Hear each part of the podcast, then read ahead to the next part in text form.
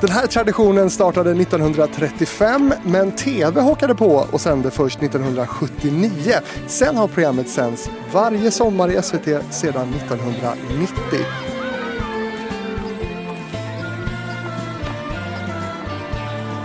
Och just nu sänds det på tisdagskvällar men fram till 1986 sändes programmet på fredagar.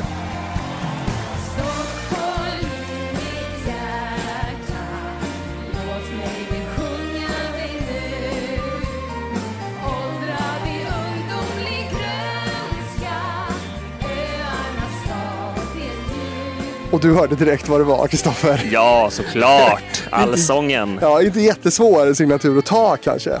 Gillar du att sjunga allsång? Absolut. Jag har suttit där i publiken några gånger. Har du gjort det? Ja, visst. Hur fick du biljetter? Nej, men man köade ju. Man kom ju dit på morgonen tidigt och satt och väntade. Galning? Ja, det var lite så. Precis. Sen har jag någon gång bara slunkit förbi också.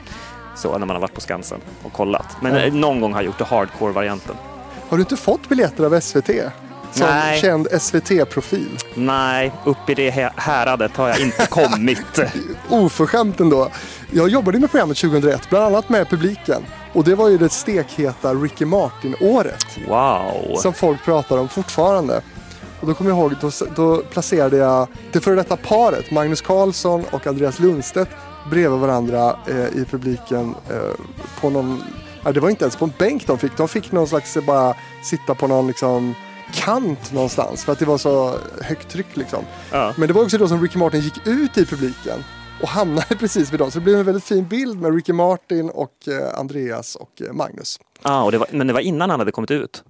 Ja det, ja, det ja, det kanske det var. När gjorde han det? Det vet jag inte. Nej, inte jag heller. Nej. Men det sjuka med det var ju att man såg aldrig honom. Vi träffade aldrig honom, vi som jobbade med programmet. För att han åkte från sitt hotell klockan 20.00 när signaturen startade. Eh, repen innan hade han stand-in på. Eh, och sen när Lasse Berghagen presenterar honom, då kommer han ut där, eh, gör sin grej. Eh, och när han går av scenen så sätter han sig i en bil och åker. Så att när programmet är slut, då är han inte kvar. Så att det var verkligen så här, var han här? Liksom? Men det var han ju. Det var han. Han är ja. fångad eh, på bild. Men du, eh, Lasse Berghagen han gjorde ju programmet betydligt bredare och ökade tittarsiffrorna något enormt. 2003, program 3 det året, så, så sattes ett nytt publikrekord för Allsång på Skansen. Då 36 800 personer kom till eh, scenen där. Plus då mångmiljonpubliken framför tv-apparaterna. Eh, har du någon favoritprogramledare från Allsång på Skansen? Oh, ja men eh, jag tycker nog ändå Måns Zelmerlöw gjorde det ju bra. Ja, folklig. Vad var det som gjorde det så bra med honom? Ja, men han modern, moderniserade väl lite tror jag. Nu ska vi ha lite quiz. Jaså, oj oj oj, nu ska du ställa vi- mig mot väggen nu här. ska Ja, vi gå bak, vi ska gå fram, ja, bakåt i tiden. Eh, jag tänker att du, om du tar alla programledarna för Allsång på Skansen. Den senaste tar du ju. Ja, Sanna Nilsson såklart. Precis, hon Ja. var ju 2016 till 2022. Och innan henne var det Petra Marklund. ja, 2014 till 2015. Måns Zelmerlöw. Måns Zelmerlöw 2011 till 2013. Och sen Anders Lundin 2004 till 2010. Vad bra du är på det här. Och sen var det ju Berghagen. ja, 94 till 2003. Sen blir det ju knivigare. Då Ja. är det någon av de här äh, riktiga klassikerna. Men Ja. där får du nog hjälpa En mig. riktig klassiker måste man nog säga. En tunnhårig klassiker eh, som var... Lönn. Nej, Nej, börjar på B. nej, du får Bosse hjälpa Larsson. mig. Bosse Larsson, Ja. så var det ja. 1974 till 93 och sen blir det ännu kärvigare tror jag. För sen innan det var det Egon Kärrman. 56 till 66 och sen Sven Lilja först. 35 till Ah. 50. Riktig, vilken historia. Man Ja, har hållit på verkligen. länge. Du, när vi spelar in det här programmet så är vi i slutet av maj 2023 och Pernilla Wahlgren har ju liksom inte debuterat då än.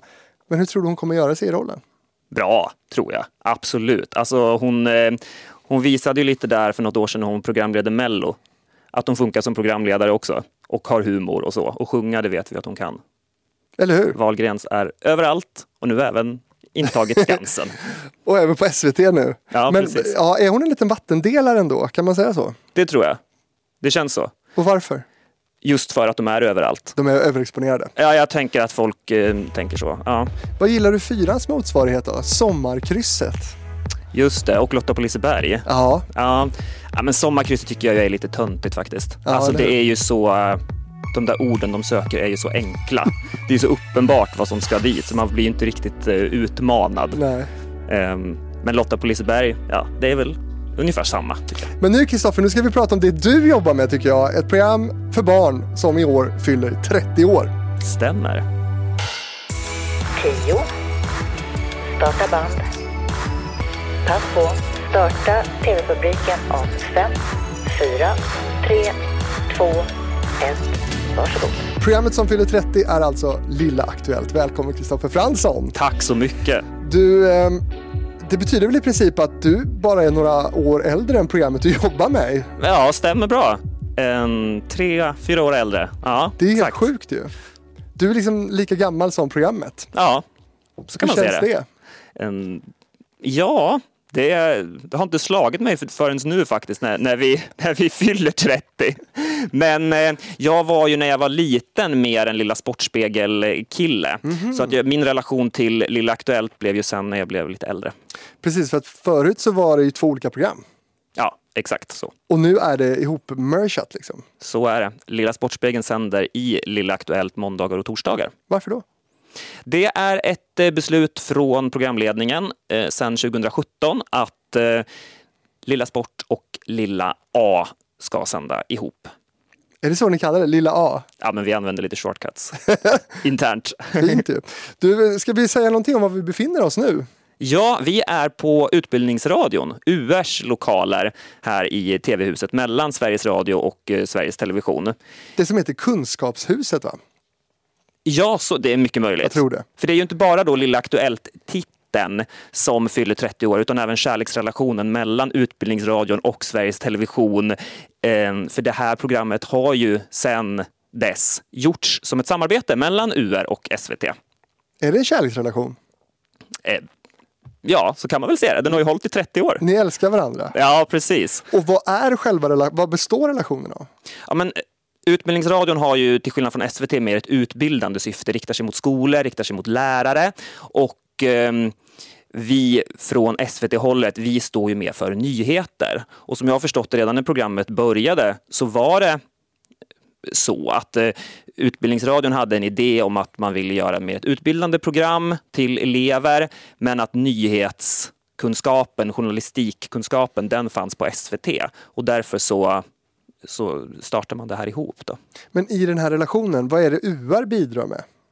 UR bidrar med dels pedagoger och gör eh, eh, quiz, nyhetsbrev till, eh, till lärare, riktar sig, har kontakt med, med skolor och sånt där. Dels, och sen handlar det också om ekonom, ekonomiska eh, bidrag och stå för studiepersonal och sånt för vår eh, fredagstitel då som heter Lilla Aktuellt Skola som har ett eh, uttalat syfte att just rikta sig till skolorna. Som många barn tittar på i skolan helt enkelt? Ja, väldigt många barn är det som tittar på det. Det är vår absolut största titel.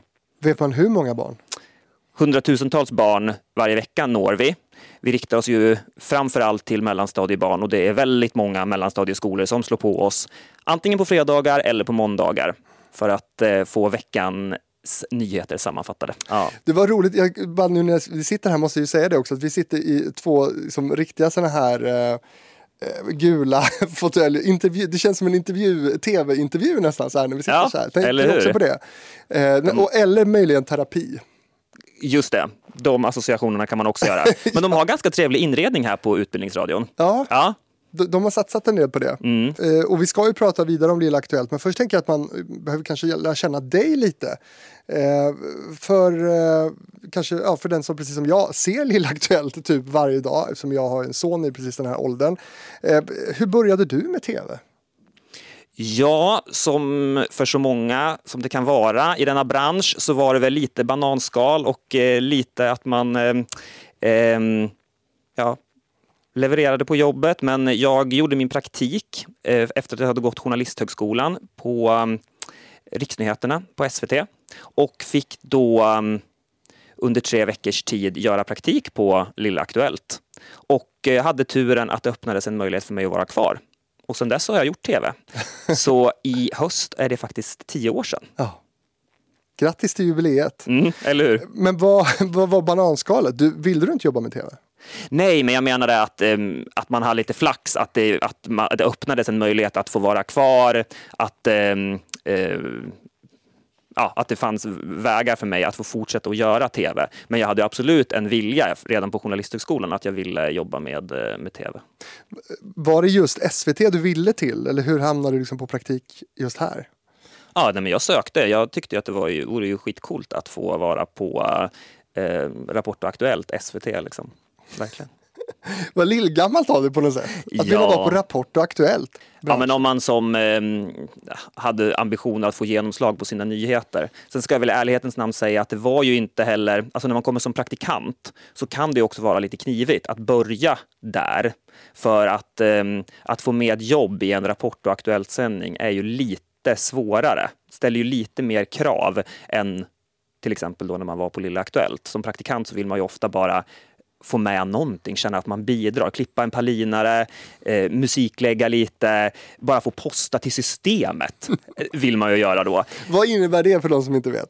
Ja, men en palinare det är ju till exempel att man klipper bilder eh, till det programledaren ska säga som handlar om det det ämnet. Och bara det är ju en liten procedur att lära sig och veta var ska man hitta de bilderna? Hur ska jag klippa dem? På vilken nivå ska ljudet ligga så det ska passa till programledaren? Och hur ska detta postas så att det kommer på rätt ställe? Bara en sån sak för en praktikant är ju en stor grej. ehm, och eh, jag fick vara mer hands-on sen när jag kom till Lilla. Ja.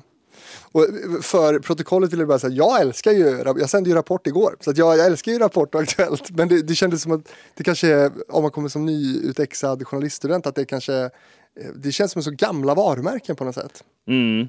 Ja, det är sant. Men jag tänkte att det var också de eh, största varumärkena. Men, men i alla fall, okej, okay, du, du eh, kom till SVT och har lärt dig posta i systemet. Eh, underbart. Har du några så förebilder också när det kommer till nyheter, sådana som du gillar? Ja, absolut. Alltså, det kanske också låter lite lillgammalt, men jag, jag tittade mycket på Agenda. Eh, jag tycker till exempel att Ulf Mattmars reportage är fantastiska. Mm.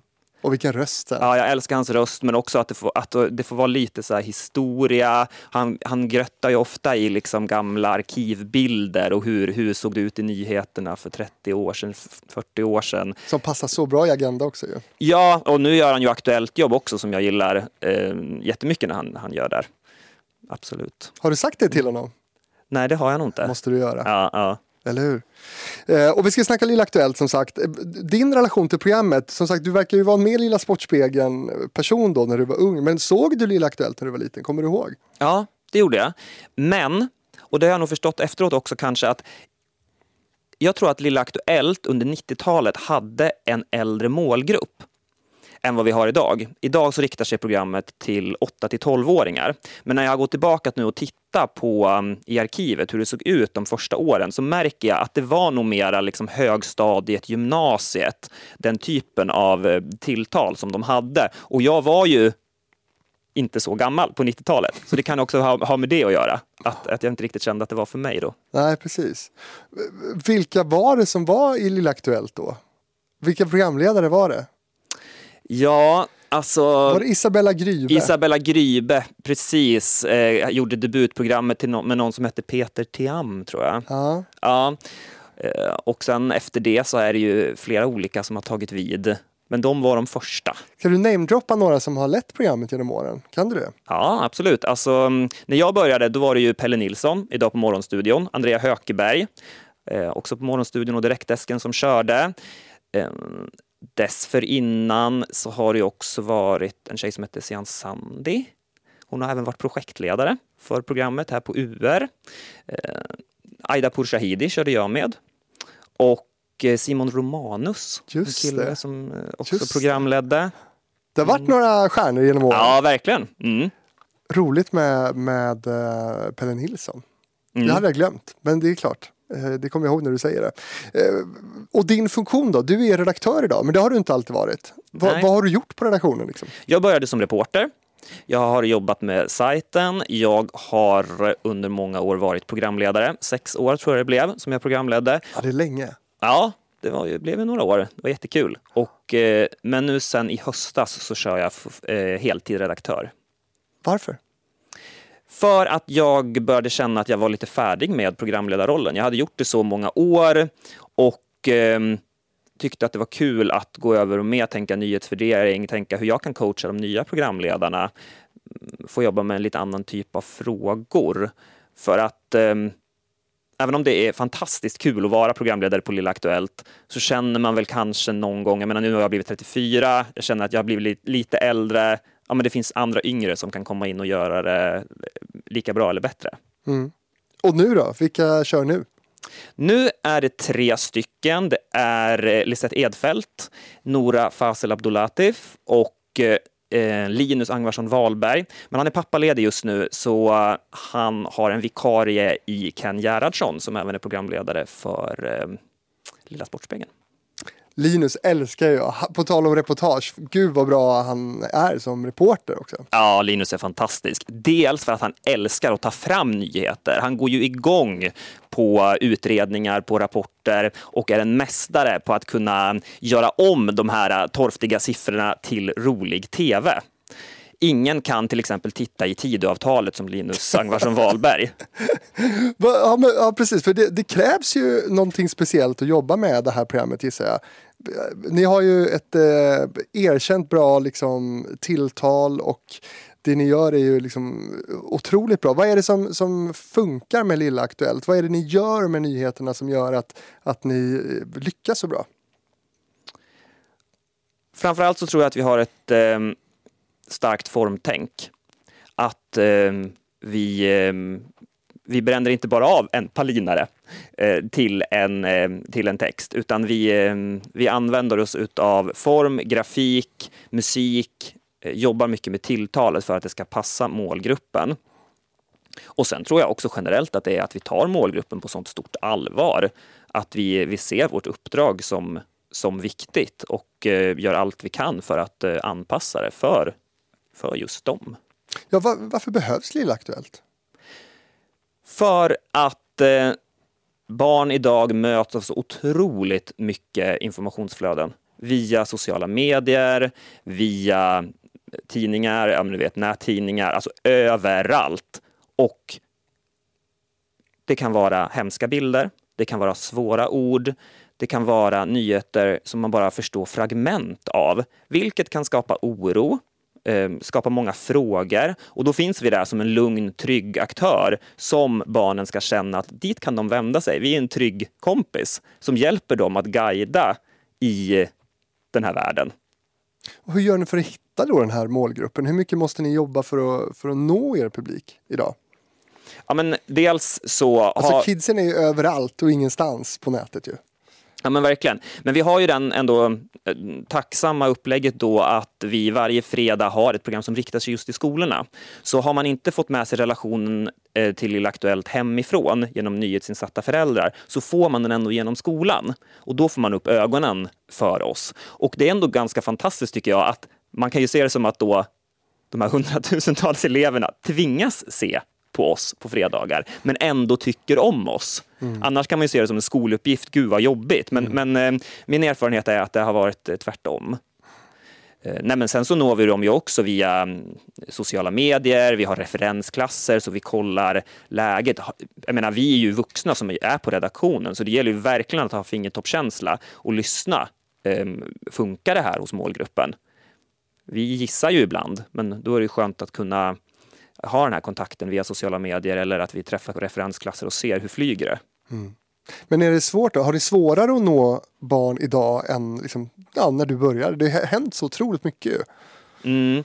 Jag kan inte säga direkt hur tittarsiffrorna har påverkats mer än att, som för alla titlar så går det ju ner i BC. I broadcast? Ja, i broadcast, precis. Vanliga tv-tvn, ja. Mm, precis. Så att, nej men absolut, det är, ju, det är ju en utmaning för oss att, eh, att få dem att självmant vilja gå in på SVT Barn till exempel. Vissa gör ju det, de har ju fått med sig det sedan, de var små medan andra delar i målgruppen eh, inte gör det.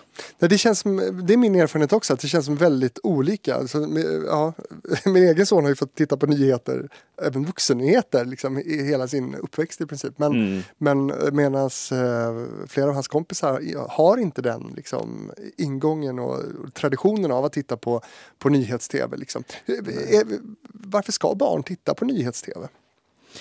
Ja, just av de anledningarna som jag, som jag sa. Alltså om man vill eftersom man ändå nås av så här mycket nyheter, av så här mycket information, så tänker jag att det är viktigt att man får en förståelse, att man får eh, hjälp att kunna hantera det här, eh, hela det här informationsflödet som barn. Och förhoppningen är ju också att det ska väckas ett intresse att vilja fortsätta sen när man, när man blir äldre. Mm.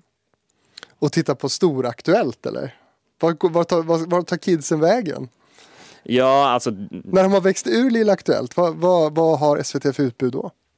Nej, det, det har du rätt i. Eh, det är ju faktiskt ett glapp där. Vår målgrupp eh, sträcker sig upp till 12 och eh, sen så har ju programledningen nu sagt att nyhetstjänsten online och även nyhetsprogrammen ska ju ha som målgrupp 20 till 40 och däremellan finns det ju ett glapp. Så, Vad tycker du om det?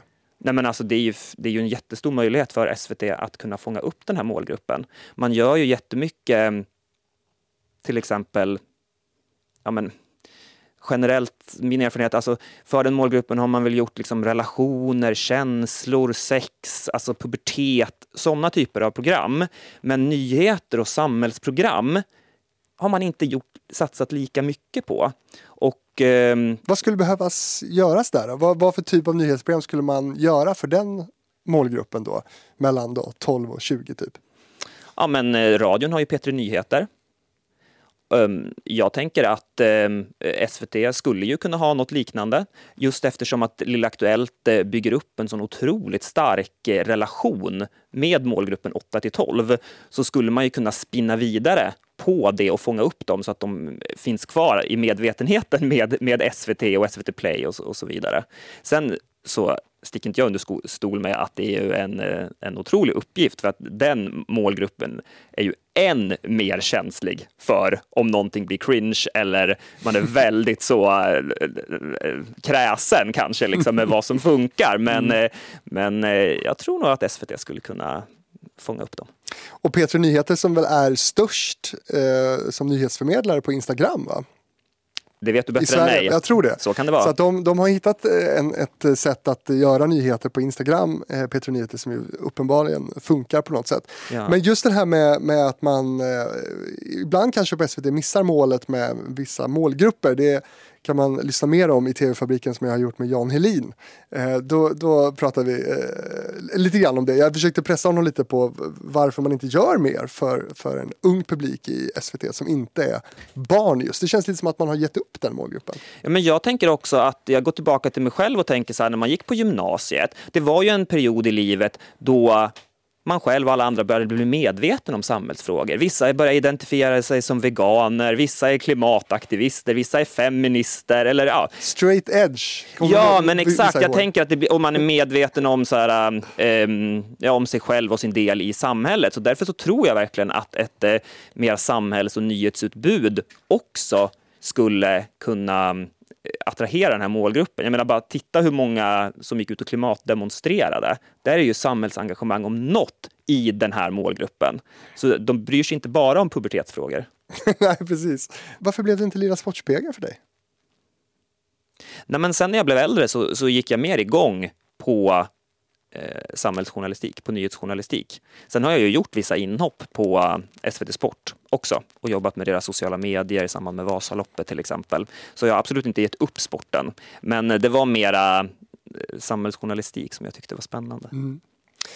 Och du jobbade sex år som programledare för det här programmet då som ju har en, en stor publik. Vad, vad, blev relationen under de där åren med din publik? Hur, hur ofta blev du igenkänd av barn och så vidare? Ja, men den blev stark. Eh, ganska ofta. Ja, nej men absolut. Eh, 8 till 12-åringarna kände ju igen mig och känner fortfarande igen mig. Även om jag märker nu att eh, de som känner igen mig nu, nu har jag varit borta ett, ett och ett halvt år från rutan, så nu börjar liksom det bli lite mer så här pubertala eh, personer som var det du som jobbar på Lilla? Ja, jo det var När jag. jag så var här. liten du. Ja, jo, jo, men det har varit så här eh, tjejer i nian som kommer fram och säger bara Du påminner mig om, om min barndom.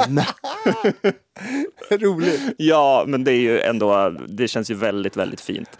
Och det är ännu mer fint när, när det kommer fram eh, kids och pratar om att de har sett någonting specifikt som man har gjort som de har reflekterat kring eller de kommer ihåg ett reportage som man själv har lagt ner jättemycket engagemang kring och så bara när någon kommer fram och spontant pratar om det, då känner jag bara ja, det här är anledningen till att jag är kvar här.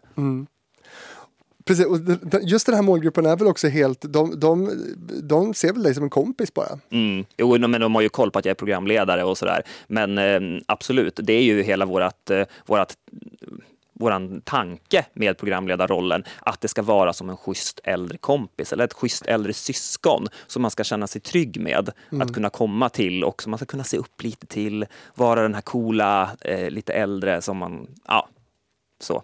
Eh, det är ju så vi tänker att Och en jättesuperstor förebild då. Mm, jo, men så är det ju. Det vad- följer ju med uppdraget kan man säga. Ja men hur har det begränsat dig? Jo, nej, men eh, visst, vi pratade ju om det inför att jag blev programledare, att man, man måste ju tänka till lite kring, eh, ja, dels på stan om man dricker en öl eller sådär och så kommer barn, alltså då får man ju vara lite så, man kanske inte skyltar med det jättemycket liksom. Men eh, Ta ur ciggen liksom. Ja, men precis. Nu röker inte jag så det är, det är inget problem för mig. Men det kan ju också vara typ hur man uppträder på sociala medier. Men så är det ju för alla eh, SVT och public service-anställda, att man har ju ett speciellt ansvar. Eh, så liksom. Du, om det nu är så viktigt med, med nyhets-tv för barn, hur kommer det sig att det bara sänder fyra dagar i veckan? Eller fem då med Lilla Skola. Ja, du, det är en bra fråga.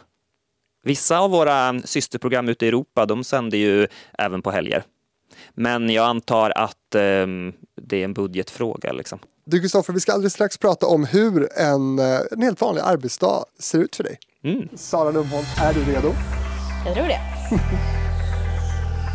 Vilken är din mest underskattade låt?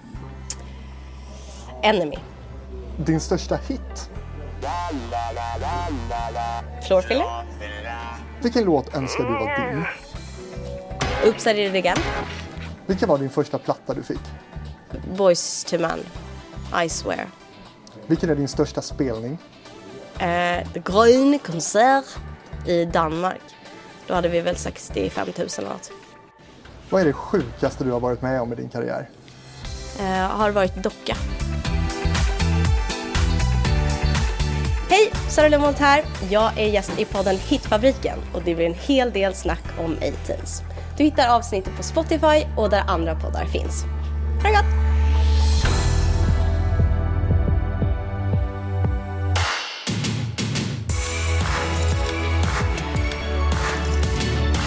Men det här är TV-fabriken, det handlar om nyheter för barn och om Lilla Aktuellt som fyller 30 år i år. Kristoffer Fransson, du är redaktör för programmet och igenkänd för, för många av Lilla Aktuellts tittare som före detta programledare då. Ja, visst. Eh, ska du berätta om hur en arbetsdag ser ut för er? En, helt vanlig nyhetsdag. Absolut.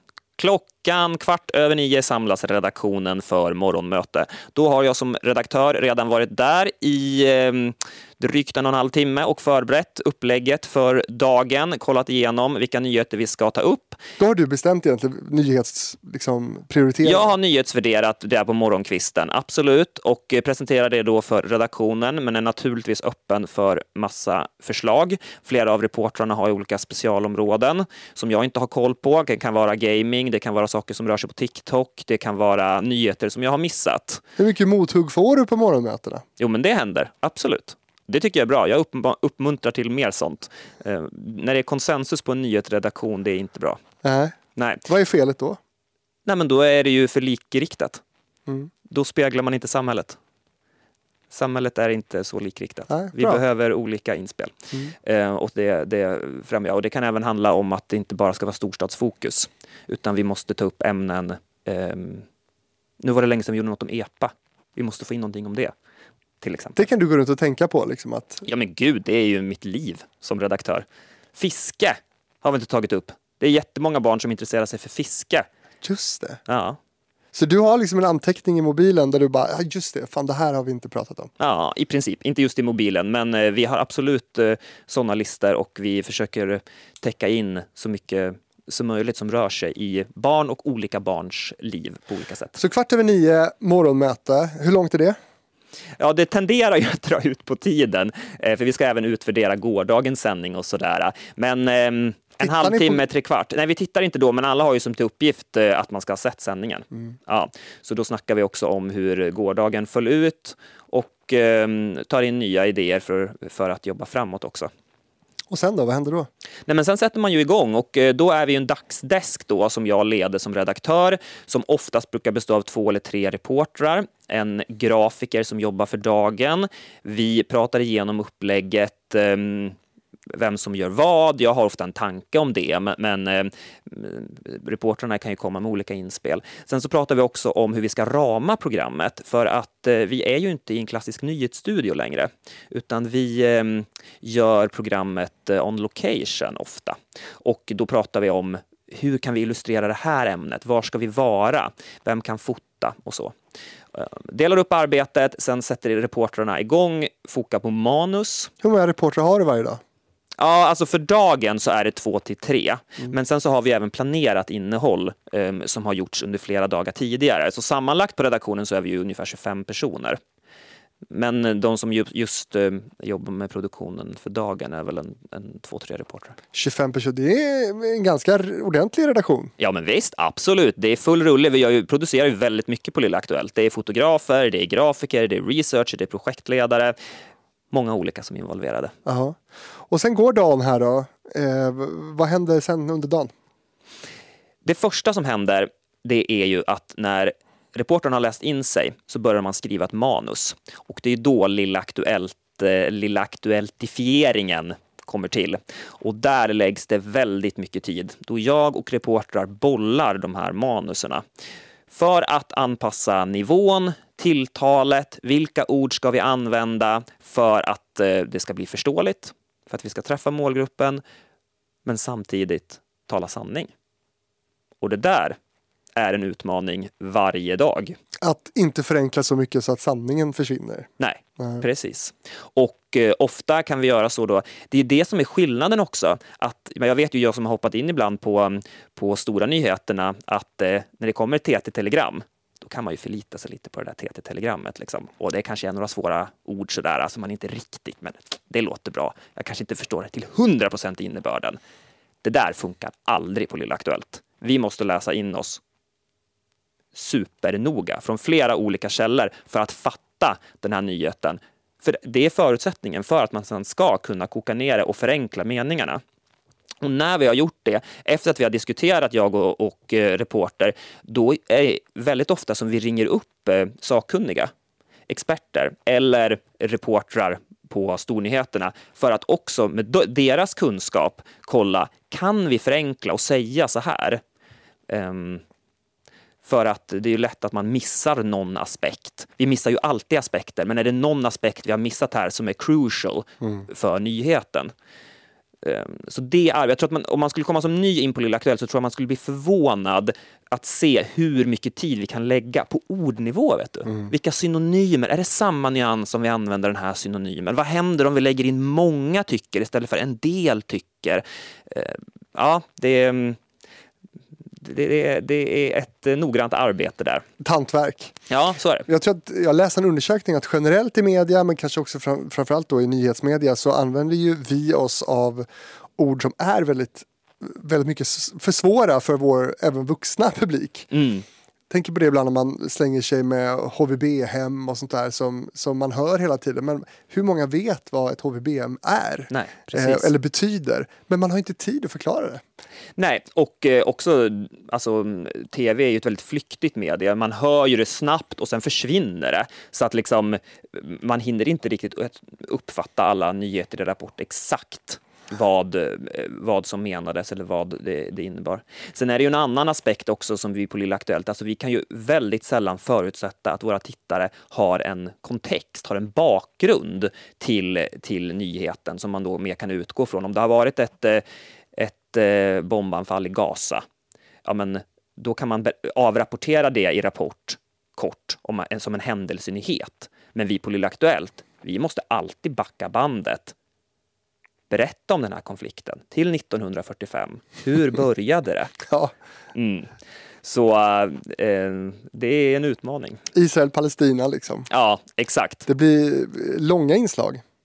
Ja, precis. Så det, det, det tenderar ju att bli det ibland. Mm. Okej, har du någon deadline sen på dagen då?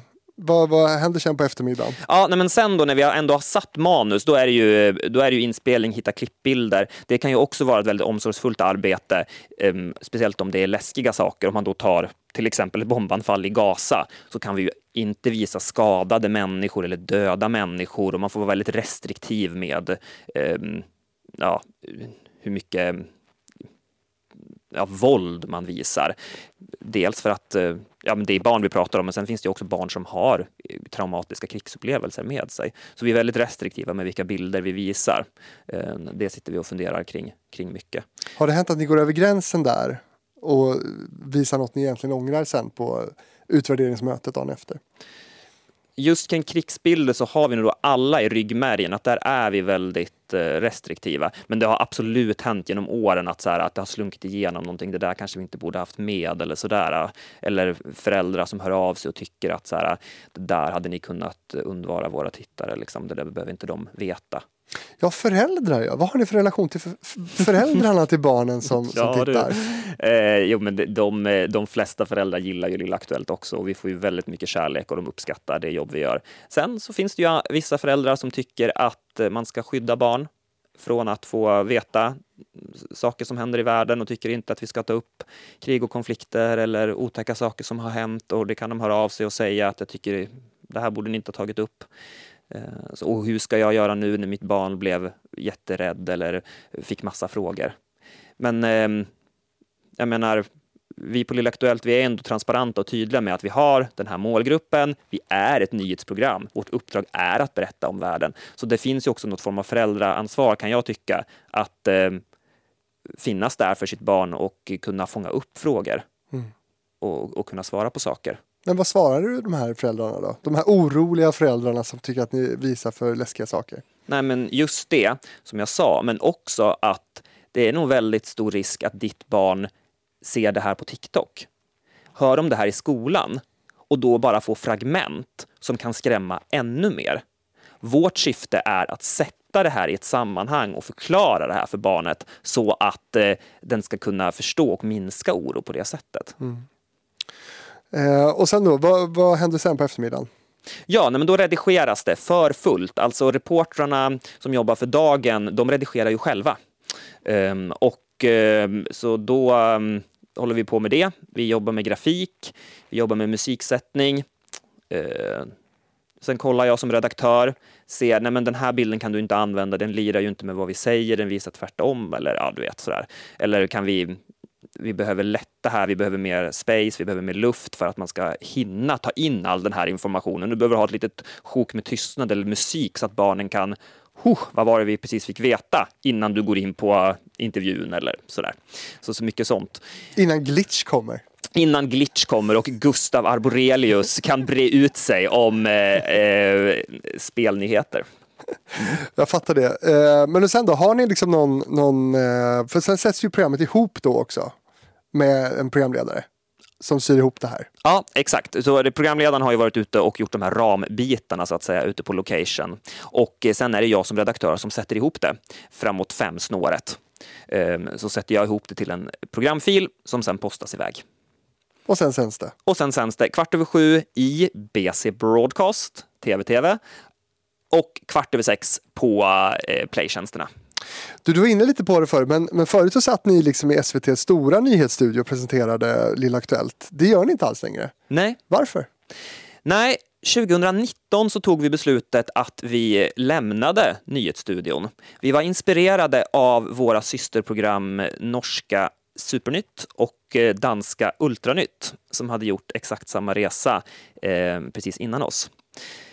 Anledningen var att vi vill få ett ännu närmare tilltal till eh, målgruppen och också ett tilltal som de känner igen från till exempel Youtube och eh, olika influencers som de, eh, som de tittar på. Mm, för, för ibland känns det som att ni medvetet gör det lite slarvigt och filmar med mobilkamera och sådär just för att fånga den formen gissar jag. Absolut, så är det. Ehm, vi kände väl lite att det blev lite ja, men kanske lite formellt, lite, lite avstånd från, eh, från tittarna när vi satt vid det här stora bordet i, i K5 där Aktuellt kör ifrån. Vi vill ju vara närmre kameran, vi vill liksom fånga tittarna, förklara, peka, se, jobba interaktivt med grafiken.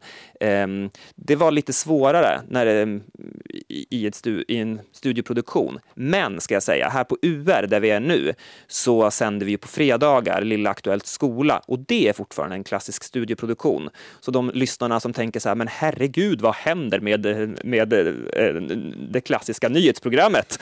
Det finns kvar. Vi jobbar med studio och studiogäster på fredagar. Och, och hur känns det då när ni liksom lite ändå har lämnat den formen i, i veckan? Liksom? I början då var man ju helt vilsen. Det var typ den stressigaste perioden i mitt lilla Aktuellt liv. När vi lämnade studion och eh, famlade. Hur ska vi göra programmet nu? Um, när man har haft en form och gå över till något annat och få en hel redaktion att börja tänka om. Det, det, det var utmanande. Nu tycker jag att det känns eh, helt rätt. Mm. Det har satt sig. Det har satt sig, men vi utvecklar ju det hela tiden. Det är ju en, eh, en eh, väldigt stor styrka hos Lilla Aktuellt att vi, vi har ju nära till att testa saker, testa nya formgrepp. Och det är också lättare när man inte har en hel studio, en LED som ska programmeras, eh, ett kontrollrum som ska vara på tårna och, och, få ut saker precis när vi vill att de ska komma ut. Det är ju lättare i post production när man sitter i redigering. Och jag tror också att barn idag de har krav på att det ska vara så. Alltså de är ju vana från TikTok till exempel att det går så otroligt fort. Det, vi har pratat om det här med sludge content, har du hört talas om det? Nej. Nej, sludge content är tydligen något nytt begrepp då som handlar om att för att man ska eh, orka ha koncentrationen kvar i en video som kan handla om något helt annat så kommer det upp färgglada bilder på random slime eller på olika fenomen som inte har någonting med, med videons innehåll att göra, men bara för att då fastnar vår uppmärksamhet och vi scrollar inte bort. Okej, okay, men har ni, har ni jobbat med det i Lilla Aktuellt? Ja. Hur? Nej, men eh, till exempel nu när vi förklarade eh, NATO-processen. Varför säger Turkiet nej till Sverige fortfarande? Då försökte vi använda oss av sludge content för att eh, det här lite torra ämnet eh, skulle bli roligare. Att tittarna inte skulle Men vad, hur gjorde ni det då? Rent, liksom, hur gjorde ni det? Var det slime då som dök upp? Nej, vi an- nej, så långt har vi inte gått. Eh, utan, men vi använder oss av NATO-element då. Ja. Men att programledaren, istället för att bara ha en programledardriven bit, så, kan det dyk, så dyker det upp flera saker i bild runt henne samtidigt, i, i takt till musik eller helt random, för att man ska vara kvar och liksom, i, med intresset. Vad tycker du själv om den utvecklingen? Ja, men på, halva av mig tycker, men gud, det är ju så, det är ju så tragiskt att det ska krävas för vår uppmärksamhet. Men samtidigt när man går till sig själv, när man sitter där med telefonen, det är ju så man själv funkar också. Så ehm, för oss handlar det om att, eh, att anamma det på ett sätt. Men sen ska man också säga att vi på Lilla Aktuellt, vi kan ju kosta på oss också att vara både och. Vi gör så kring vissa reportage, men sen har vi andra reportage då vi verkligen låter saker få ta tid. Så det är inte som att vi klipper sönder varenda reportage heller. Vi har klassiska tv-reportage och gör case och, och sånt också. Men min poäng var bara att vi, vi eh, har lätt för att, för, att, för att testa det. Och det ligger närmare till hands än att det, skulle ploppa upp i en rapportsändning till exempel. Du, lite kort bara, vad har ni för tekniska möjligheter eh, och så? Vad, har ni, eh, hur mycket kameror har ni, redigerare? Alltså, Alltså, vi har en person, eh, Åsa Wendel, som har jobbat på Lilla Aktuellt eh, många, många år. Otroligt duktig fotograf och redigerare som enbart jobbar med det. Men eh, sen ibland så kan vi hyra in fotografer och redigerare från nyheterna. Men allra oftast så är det att eh, Lilla Aktuellts reportrar som redigerar själva. Och det, de allra flesta vill det också. och filma själva också? Filma själva också. Mm. Så man blir ju väldigt multikompetent på Lilla Aktuellt. Jag har ju märkt det när jag har varit på till exempel Morgonstudion och hoppat in där, att man jobbar mycket mer i stuprör. Liksom. Att, att eh, man eh, som researcher, då sköter man text. Levererar det. Eh, Säpon sköter bilden, eh, grafiken sköter grafiken. Men på Lilla Aktuellt, då får man jobba med allt. Mm. Hur är Lilla Aktuellt status då skulle du säga i, i tv-huset sådär kontra vuxennyheter? Hur ser man på er? Liksom? Det är nog delat också. Det är väldigt många som tycker att det är ett av de finaste grejerna som public service har. Att vi har ett väldigt, väldigt bra uppdrag och det är väldigt många reportrar och eh, så, som uppskattar att få vara med i vårt eh, program. Så när vi ringer någon utrikeskorrespondent och frågar skulle du kunna vara med om det här så blir de oftast väldigt glada. Eller Rika Bjärström. Ja, precis. Hon har varit med flera gånger och förklarat klimatfrågan till exempel. Så att eh, de, de uppskattar det. Sen, visst, det är klart att det också finns de som tycker att ja, ja, det är barn-tv. Så. Men generellt så skulle jag säga att de, de flesta eh, ser upp till oss. Och också chefer, just för att vi eh, har så nära relation med målgruppen och eh, jobbar så mycket med, eh, med form och testa saker. Så um, på det sättet så har vi ju, är vi nog lite förebilder. Men eh, vi har ju också vunnit, så här, det finns ju ett internt SVT-pris som heter Sverige, Sverigepriset, då vi eh, har vunnit flera år i rad, olika kategorier. Men märks det då? Har ni tillräckligt med resurser tycker du? Har ni eh, lika mycket lön som de som jobbar med vuxennyheter, sådana saker? Märks det att, att ni är uppskattade? Lönefrågan kan jag, inte, kan jag inte svara på, det har jag inte koll på. Um, på ett sätt ja, för att vi ofta uppmärksammas i sådana här sammanhang och att vi, det pratas om, om oss på ett positivt sätt. Men samtidigt så är vi ju fortfarande betraktade som ett projekt. Ah, ni är också ett är Kulturnyheterna också som är ett projekt ja, tror jag? men det ska, väl, det ska väl ändras nu kanske? Ja. Ah, jag vet inte riktigt. Men, men det har ju i 30 år varit ett, ett projekt. Vad innebär det? Ja, men det är väl att eh, du, det här ska du egentligen prata med chefer om. Alltså. Men, men det är ju att man inte är som ett fast program. Eh, utan eh, Trots att ni har funnits i 30 ja, år? trots att man har funnits i, i 30 år. Och eh, det är också mm, många osäkra anställningar som följer med det. Det finns liksom inga fasta anställningar på Lilla Aktuellt. Vad har du din tjänst? Jag, har min, jag blev fast anställd för några år sedan och den är på SVT Nyheter. Så rent formellt så är jag ju utlånad Eh, till projektet Lilla Aktuellt. Och eh, eh, ja, jag är jättetacksam att jag blev anställd, men, men, men visst, på det sättet så, så märks det ju att eh, fler reportrar skulle ju behöva få en anställning. Men hur många fastanställda är ni på redaktionen då, i det här projektet? Oj, det har jag inte räknat efter på nu, men... Eh, men det är fler än du liksom? Ja, det är fler än jag, men de allra, allra flesta har ju inte fasta anställningar. Hur påverkar det din arbetsgrupp? Nej, men det, det blir ju osäkert. Det är ju självklart när man vet att man kanske inte får vara kvar mer än ett, eh, än ett halvår. Eh, ja, och det påverkar ju på många olika sätt. Vad man är benägen att göra, eh, om man vågar säga till om saker som man inte tycker eller så. Märker du det? Alltså jag försöker ju verkligen skapa som redaktör ett, en, ett klimat där alla ska känna att de kan ta upp saker. Jag tycker att vi på Lilla Aktuellt har det. Sen kanske inte det är jag som ska svara på det eftersom jag nu är arbetsledare. Så det kanske är en fråga som ska ställas till reportrarna. Men, men eh, jag gör vad jag kan för att man ska som reporter kunna känna att jag kan ta upp det här med redaktören, min åsikt är det här. Och generellt så, så tycker jag att vi, vi, vi är bra på det. Mm. Men sen är det ju också liksom det här frustrerande i att man ofta lär upp reportrar i att man ska kunna alla de här systemen som jag har beskrivit. Vara multikompetent. Vara multikompetent och så har man lyckats, nu kan någon allting och då lasas de ut. Och det är ju väldigt otacksamt och ganska osmart också från en arbetsgivare. Frustrerande, Frustrerande såklart. såklart. Samtidigt som man inte kan anställa alla. Nej men så är det ju. Knepig eh, liksom, balansgång det där. Ja, det är en känd fråga. Inom det är det verkligen. Ja. Eh, vi lämnar den. Just den frågan. Något som skiljer ert nyhetsjobb mot de som jobbar med nyheter för vuxna är det ju att, att det är just barn som ni träffar. Eh, jag gissar att man inte bara kan gå ut och intervjua barn hur som helst. Nej, det där får man ju också ha lite finkänsla kring. Berätta om hur det går till. Ja, men om vi går ut på stan och gör voxpops-enkäter, då, måste, då har vi ju som policy att vi alltid ringer upp föräldrarna och kollar att de vill vara med. Vi är noggranna med det. Och hur går det till rent praktiskt? Då hittar ni barn Mm. och sen måste det då, vill ni vara med? Ja, okej, då måste vi ringa era föräldrar först. Ja, exakt. Så de får ringa upp mamma eller pappa och sen så pratar eh, reporten då med dem och kollar och förklarar att det är Lilla Aktuellt, vi ska sända det här, vi gör ett reportage om det, är det okej att ditt barn är med? Sen ofta kan det vara så att, att eh, riksnyheterna eller eh, lokala nyheterna visar intresse för vårt material. Då ringer vi ofta upp en gång till och frågar, är det även okej att ditt barn syns på de här eh, eh, ställena? Vad brukar ni få för svar? de allra flesta tycker ju att de ska, äh, vill ju att de ska få vara med. Mm. Men, men visst, sen finns det de som inte gillar media och eh, inte tillåter sina barn att vara med. Det, och sen, det är också en, en tragisk utveckling att man blir också medveten om hur många barn per klass som har skyddad identitet. Det är ju väldigt vanligt att när vi kommer ut i klasser att det är ett eller två barn som absolut inte får synas på bild för att de av olika anledningar har skyddad identitet.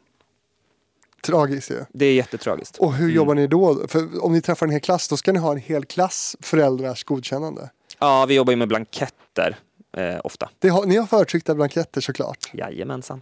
Och sen är det ju tyvärr då så att om det är två elever som inte får vara med, men då får man ju vara krass och säga ni måste hålla er undan. För att om de syns så förstör ju det själva reportaget. Liksom. Mm. Men gud, det, ja, ni, ni har också ett helt administrativt projekt kring, kring att visa barn i tv. Ja, så är det. Mm. Och det har du bara vant dig vid. Det Ja. låter jättekomplicerat och krångligt. Jo, men det är, ju lite, det är ju lite så. Man har ju ett extra ansvar tycker jag också när man, gör, när man har barn som målgrupp att, eh, att ta det. Mm. Måste ni också spara då alla de här godkännandena på något sätt i något arkiv typ? Eller hur? Nej, det vet jag inte om vi gör. Utan det är mest att man vill, man vill få koll för stunden att, att det är, det är okej. Det betyder också att allt egentligen är då väldigt tillrättalagt och, och liksom ja, utstakat. Det är, det de barnen man får se och sådär. Det är liksom, det är inte vilka som helst. Nej, det är både och skulle jag säga. Alltså, jag menar, det, det vi intervjuar dem om, det är ju inte uppstyrt. Men däremot kan det ju vara att vi har bestämt på förhand att vi ska till den här klassen. Sen så, ställ, sen så får de ju inte veta frågor och sånt innan. Nej. Nej. Men jag gissar att det blir de mest vältaliga barnen ändå som får vara med.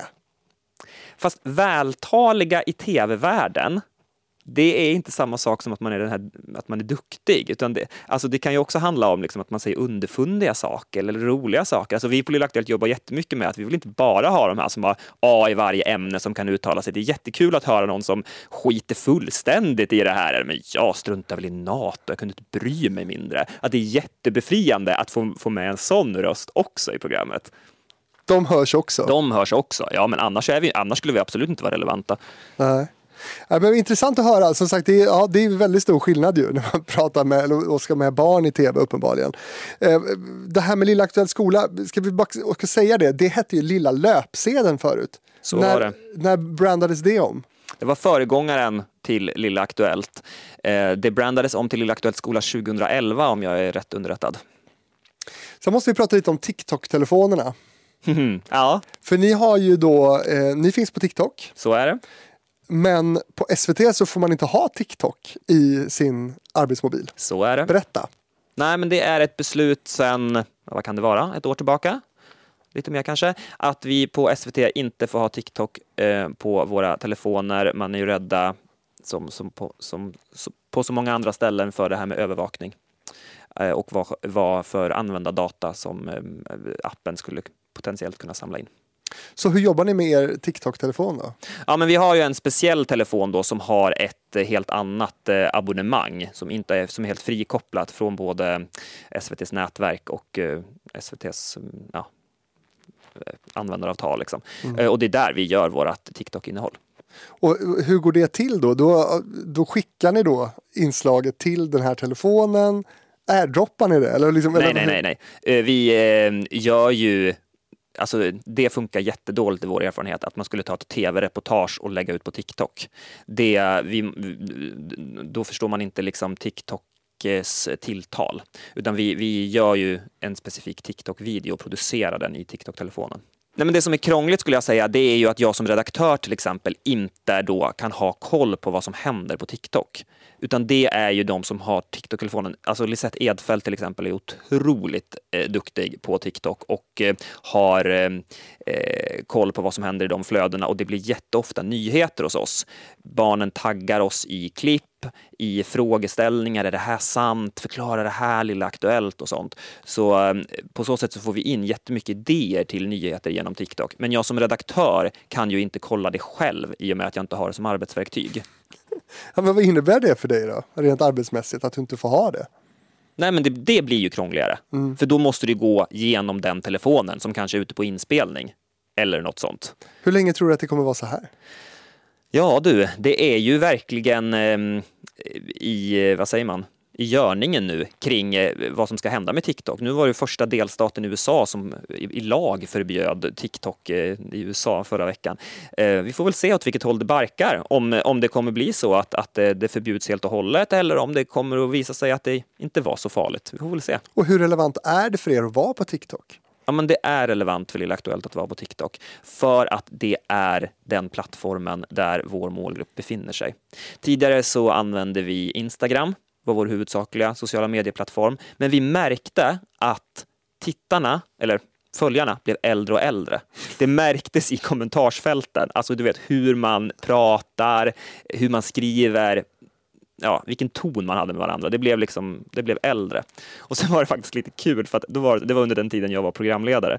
Så då var det så att min brorsa la ut en bild på sin privata TikTok från ett julfirande där jag var med på bilden. Han hade inte många följare, tio följare på TikTok kanske. Och den här bilden blev viral. Nej, viral, men alltså det var säkert 200 000 som tittade på det här klippet. Och då började det diskuteras. Är det Lilla Aktuellt Frasse? Är det Lilla Aktuellt Frasse? Ja, men det är han, det är han!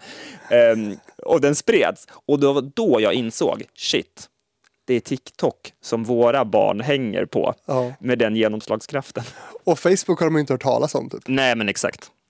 Eh, Du nämnde era, era liksom, eh, kompiskollegor på public service-bolagen i, i Norden tidigare. Eh, Det finns ju motsvarande program då som Yle Mix i Finland och Supernytt i NRK. Vad hette DRs?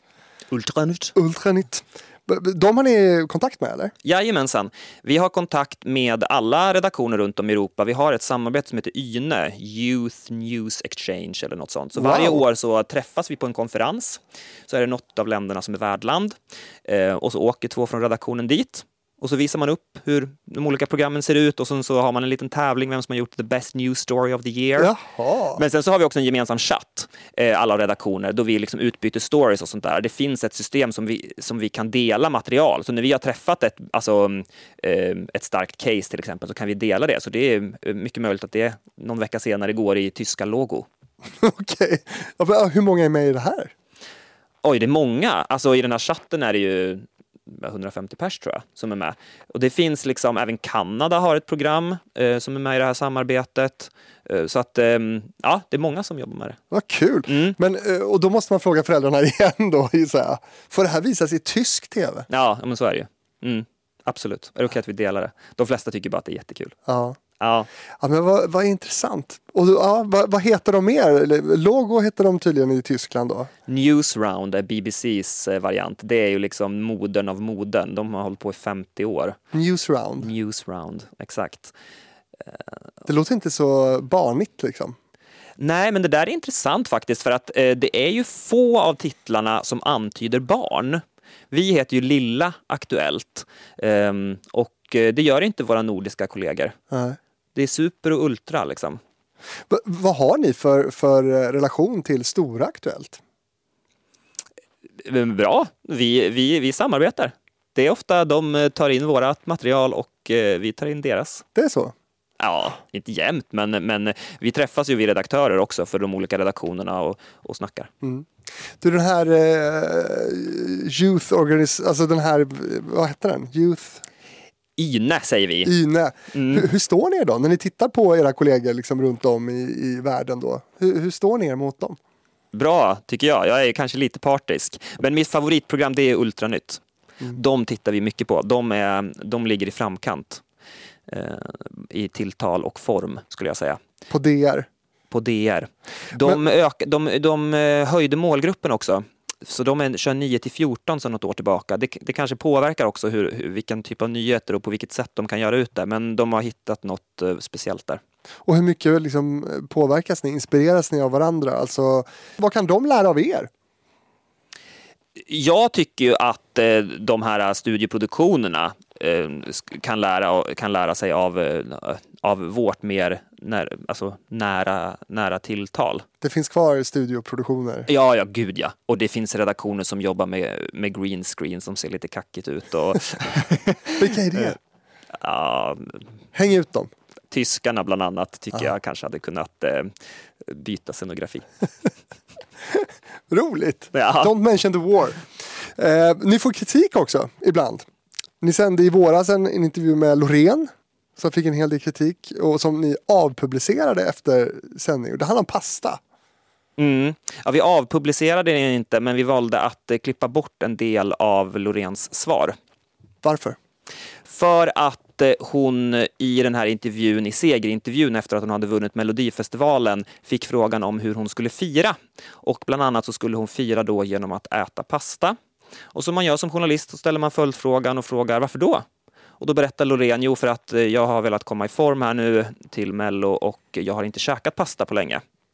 Eh, Och ehm, Det är det barn lever på typ. Ja, men precis. Och eh, sen då när vi publicerade det så tog vi med allting. Men morgonen efter, på morgonmötet när vi pratade om det här, så kände vi att det här blev kanske inte helt bra. För att ehm, det kan väcka tankar med mat.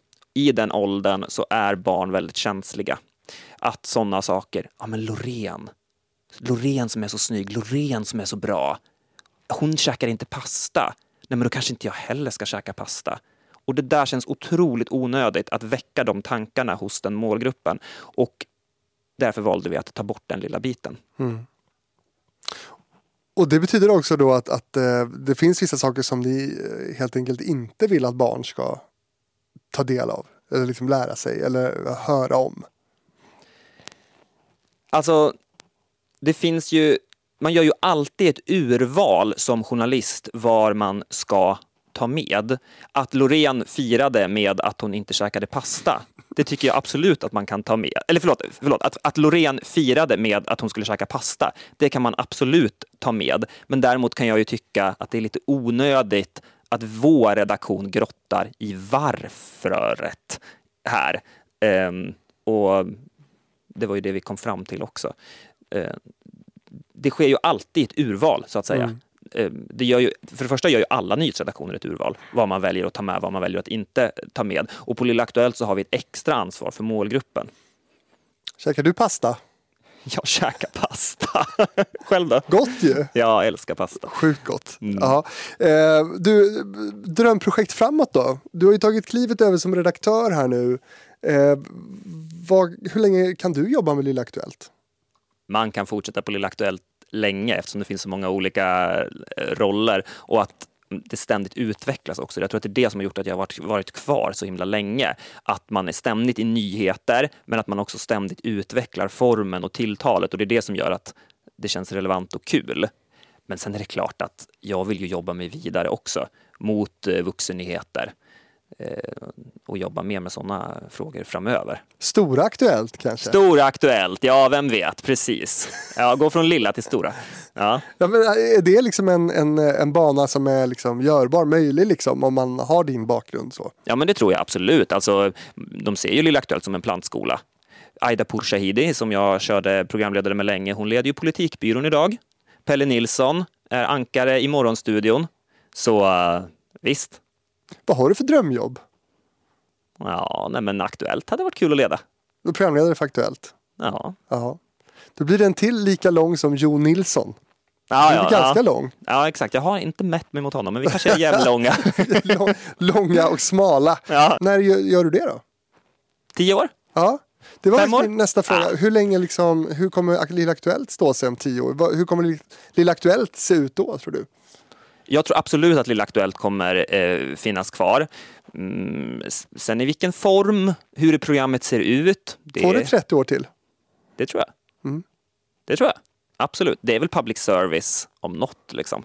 Mm. Att just göra nyheter för barn. Det finns ju ingen annan aktör som, som gör det i tv. Inte i tv nej. Nej. Hur ska ni fira det här nu då? 30-årsjubileum? Kalas! Såklart. Eh, det här måste firas. Ja, eh, nej, men på redaktionen lär det väl bli någon fest tänker jag. Men sen så eh, planerar vi också någon form av firande specialsändning. Fredag den 15 september. Då är det precis 30 år sedan. Så då tänker vi oss någon form av specialsändning tillsammans med tittarna. Vad blir det då? då? Vet ni det än? Nej, det vi håller på att planera, så vi har inte riktigt så landat exakt hur det blir, men eh, lite nostalgi lär det väl bli. Och sen ska ni ha fest Ja, på redaktionen. yes. Dricka och röka. Och äta pasta. Äta pasta, pastatårta liksom. Men du, hur var det här Kristoffer? Nu har ju du suttit och, och eh, haft eh, poddpremiär och Ja, du wow. har fått eh, liksom svara på frågor till skillnad mot vad du brukar göra. Hur var det här? Ja, det var ju lite ovant, det måste man säga. Jag brukar sitta på din position och sen så få liksom vräka ur sig så mycket om sitt jobb. Men jag brinner ju också för det här. Alltså, jag tycker att det är kul. Det är också en anledning till att man har jobbat så länge med det. Så det är en fantastisk förmån att få sitta och snacka om en sån sak. Så det var kul, ehm, var det. Ja. Är det något jag borde ha frågat dig om som jag inte har frågat nu? Har vi missat någonting helt enkelt? Ja, du, kan det vara så? Tänk på det en stund så ska jag Mm. säga att du som lyssnar på det här, du kan eh, gå in och eh, eh, följa TV-fabriken på eh, Instagram och då det uråldriga sociala mediet eh, Facebook, där inga kids eh, hänger längre. Det är typ där min mamma och mormor så hänger. Eh, fabrikspost gmail.com kan man använda om man vill eh, kontakta mig. Borde TV-fabriken finnas på TikTok? Absolut. Åh, Ännu en plattform man ska hålla på och publicera i konstiga format säkert. Tacka Ja. vet jag 16.9. Ja, exakt. Det funkar inte alls där. Du får tänka tvärtom. Det är liksom eh, 9-16. Ja men precis, och jag stör mig liksom bara på liksom Instagram, de här fula kvadratbilderna sådär. och Att, att det också funkar mycket bättre stående. Ja, men nu på... kan man ju göra reels, vet du. Då behöver man inte jobba med de här kvadraterna. Nej, men det blir ändå stående då. Ja, så är det ju. Ja, Mm, jag jo, känner mig väldigt Det 16.9. kliar ju i en eh, BC-människa.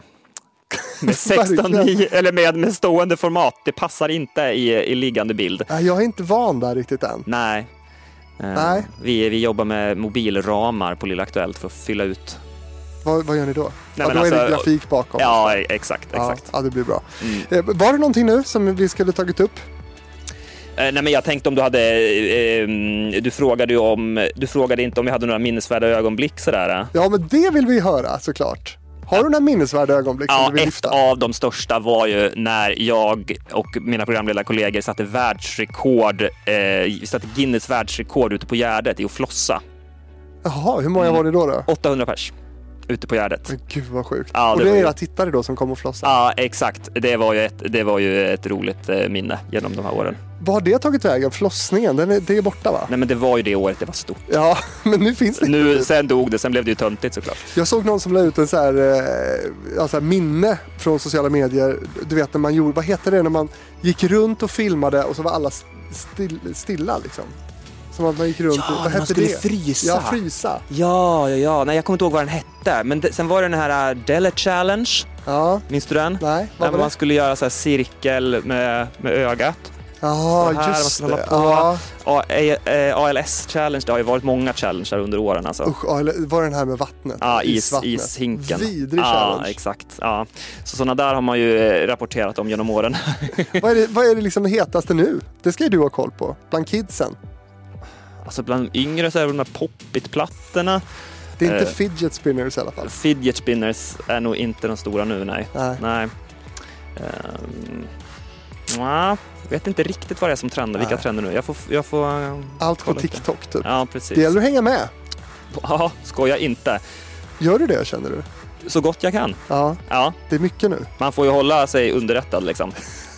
Ja, verkligen. Mm. Tillbaka till redaktörandet, eh, Kristoffer Fransson. Tack så mycket för att du var med i TV-fabriken. Oh yes, tillbaka till sändningen. Tack för att jag fick vara med. Det var jättekul.